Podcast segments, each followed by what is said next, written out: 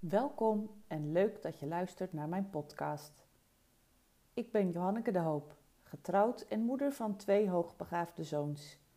Sinds een jaar of vijf weet ik dat ik zelf ook tot deze doelgroep behoor. Ik heb als expert hoogbegaafdheid in de zorg een coachingspraktijk voor hoogbegaafde vrouwen aan huis. Ik geef lezingen en workshops aan professionals binnen de zorg, het onderwijs en kinderopvang. Daarnaast geef ik samen met een collega trainingen aan ouders van hoogbegaafde en hoogsensitieve kinderen. De inspiratie voor deze serie podcasts kreeg ik in de zomer van 2021 tijdens de interviews die ik hield met hoogbegaafde vrouwen. Tijdens deze interviews spraken we onder andere over de frustraties die je tegenkomt rond je hoogbegaafdheid omdat voor mij het erkennen van je eigen hoogbegaafdheid samenhangt met een proces waar je doorheen mag gaan, maar er nog altijd een soort taboe hangt aan het woord hoogbegaafd, heb ik deze serie podcasts gelanceerd. Een serie podcasts waar je naar kunt luisteren op je eigen moment, zonder dat een ander hoeft te weten dat je met dit proces bezig bent. Een serie podcasts waarin ik je meeneem in de wereld van hoogbegaafdheid, met als doel dat je jezelf steeds meer durft aan te kijken en te erkennen. Vandaag de veertiende aflevering. Heb jij je HB-rijbewijs al? Ik begin met een metafoor. De meeste mensen om je heen rijden in een personenauto. En zeer waarschijnlijk heb jij tijdens je opvoeding ook geleerd om in een personenauto te rijden. Maar wanneer je je hoogbegaafdheid ziet als het hebben van een zeer krachtige en snelle motor, of zelfs een raceauto, begrijp je ook dat je hiervoor een aanvullend of een ander rijbewijs nodig zult hebben.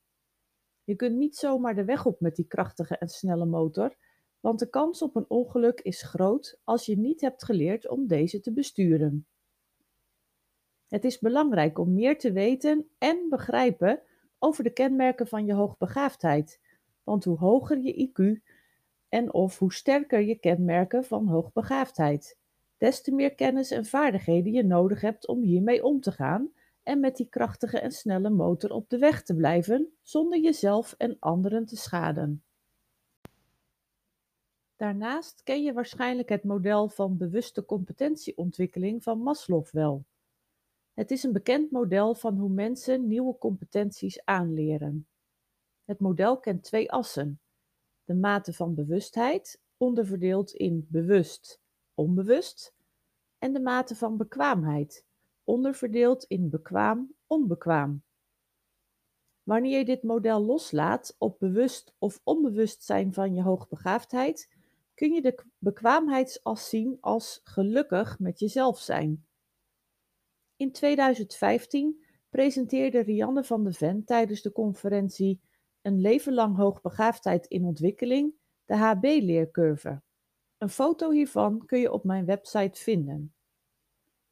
Je zult je vast herkennen in het eerste kwadrant, waarin je nog onbewust bent van je hoogbegaafdheid en je vaak onbegrepen hebt gevoeld.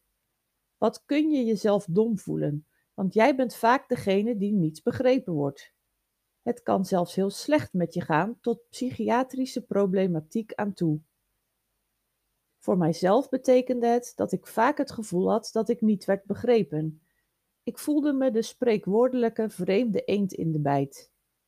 Nu begrijp ik waarom ik dat gevoel had. Het was ook gewoon zo. Logisch, want zeker in die tijd was er nog maar weinig bekend over hoogbegaafdheid. Er is één schooljaar op de basisschool geweest waarin ik het wel echt naar mijn zin had. Dat was toen ik in een combinatieklas kwam. Terugkijkend heb ik me toen op kunnen trekken aan de leerstof van een jaargroep hoger en ik had ook gewoon een betere klik met de kinderen uit die hogere groep. Wanneer je de overgang maakt naar het tweede kwadrant, dus de fase waarin je je bewust wordt van je hoogbegaafdheid, kun je een rouwproces doormaken. Je voelt je verdrietig om wat er allemaal anders had kunnen zijn als je dit eerder had geweten. Het kan zijn dat je hier wat langer in blijft hangen. Pas dan op dat je niet in slachtoffergedrag blijft hangen en je je HB zijn als excuus of oorzaak gaat gebruiken. Bij mensen die in deze fase zitten, horen we vaak veel frustraties rond de werksituatie of jeugd voorbij komen. Het is goed dat je die frustraties uit, maar probeer ook eens te kijken naar alles wat er wel goed ging. En gebruik die geestdrift ook om te gaan groeien en je te ontwikkelen. Ga op zoek naar je eigen capaciteiten. Terugkomend op mijn eigen voorbeeld. Ik herinner me dat er eens sprake zou zijn van mogelijk een klas overslaan, maar dat ging niet door. Toen ik er net achter kwam dat ik hoogbegaafd ben, kon het voorbeeld van de basisschool me best verdrietig en boos maken. Zo zijn er natuurlijk nog tal van voorbeelden, maar gelukkig kon ik dat vrij snel loslaten door te kijken naar wat er wel goed was gegaan, want ook daar zijn tal van voorbeelden van. Zo zat ik al jong op een schaakclub en deed ik mee aan de Zeeuwse kampioenschappen die vaak aan de overkant werden gehouden. Dat hield in dat we menig zaterdag met de veerboot naar Zeeuws-Vlaanderen moesten en dat deden mijn ouders toch maar.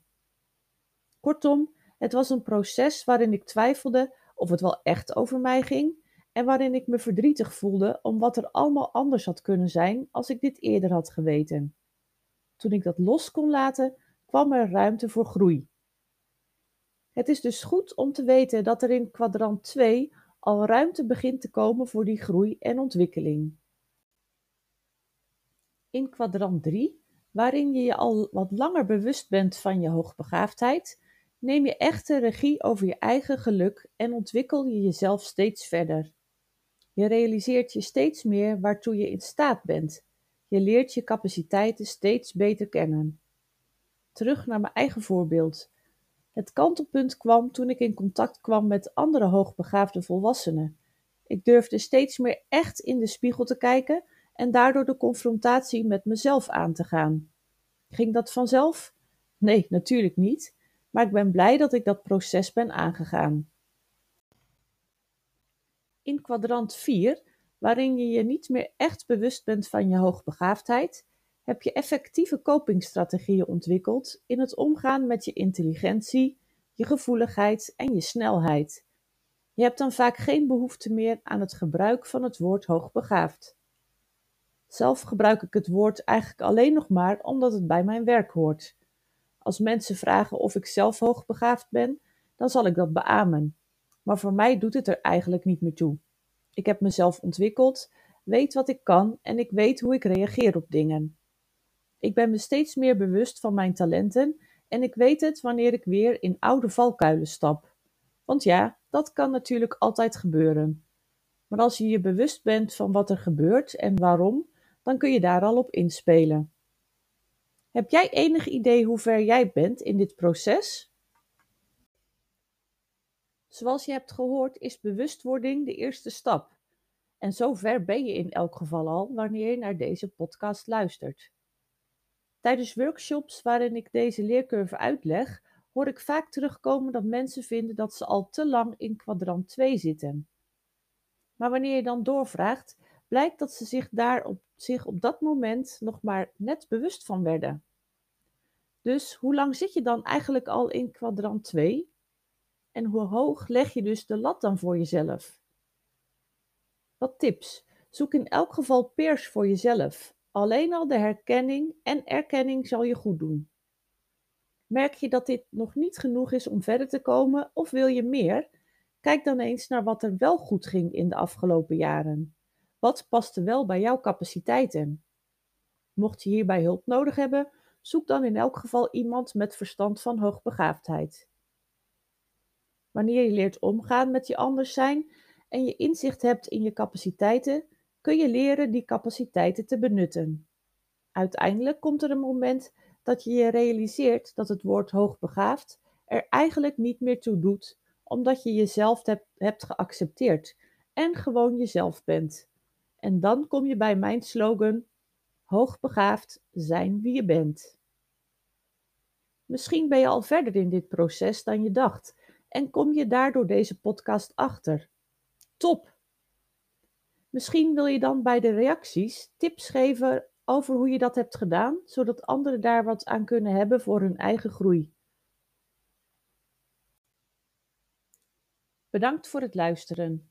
Ben je benieuwd naar mijn aanbod? Ga dan naar mijn website www.opstap stap-coaching.nl of bezoek mijn Facebookpagina op Stapcoaching Middelburg. Heb je suggesties voor een nieuwe aflevering of wil je een review geven? Laat gerust een reactie achter.